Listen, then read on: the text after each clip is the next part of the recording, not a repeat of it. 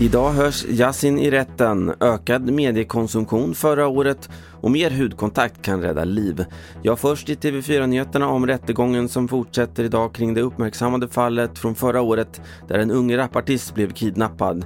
Det är en del i en större utredning där de flesta tillhör kriminella nätverk. En av de åtalade är artisten Yassin som misstänks för stämpling till människorov men som nekat till brott och han ska höras i rätten idag.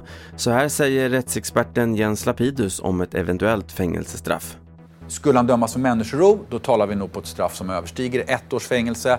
Men hamnar han på, på olaga fri, frihetsberövande och dessutom en förberedelse till det brottet, alltså inte fullbordat brott, så kommer man lägre ner och du kan följa det här på tv4.se.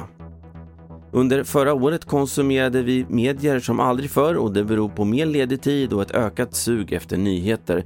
Ja, det visar den senaste mediebarometern från Göteborgs universitet som konstaterar att vi lägger totalt sju timmar om dagen på tv, radio, tidningar och andra medier. Vilket är en timme mer än tidigare.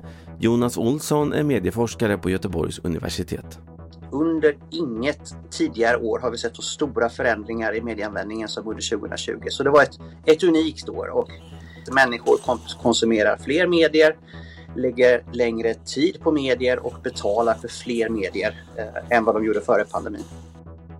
Sist om att hudkontakt mellan mamman och för tidigt födda barn är viktigare än vad man tidigare trott och skulle kunna rädda liv.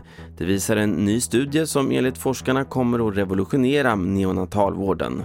Forskarna jämförde överlevnaden mellan för tidigt födda barn som fick hudkontakt direkt efter födseln och barn som först skildes från sina mammor. Forskarna bedömer att den omedelbara hud-mot-hud-kontakten kan rädda 150 000 nyfödda barns liv varje år och WHO håller nu på att se över sina rekommendationer. Det rapporterade Karl Mogren och det var senaste nytt från TV4 Nyheterna. Mitt namn är Karl-Oskar Alsen.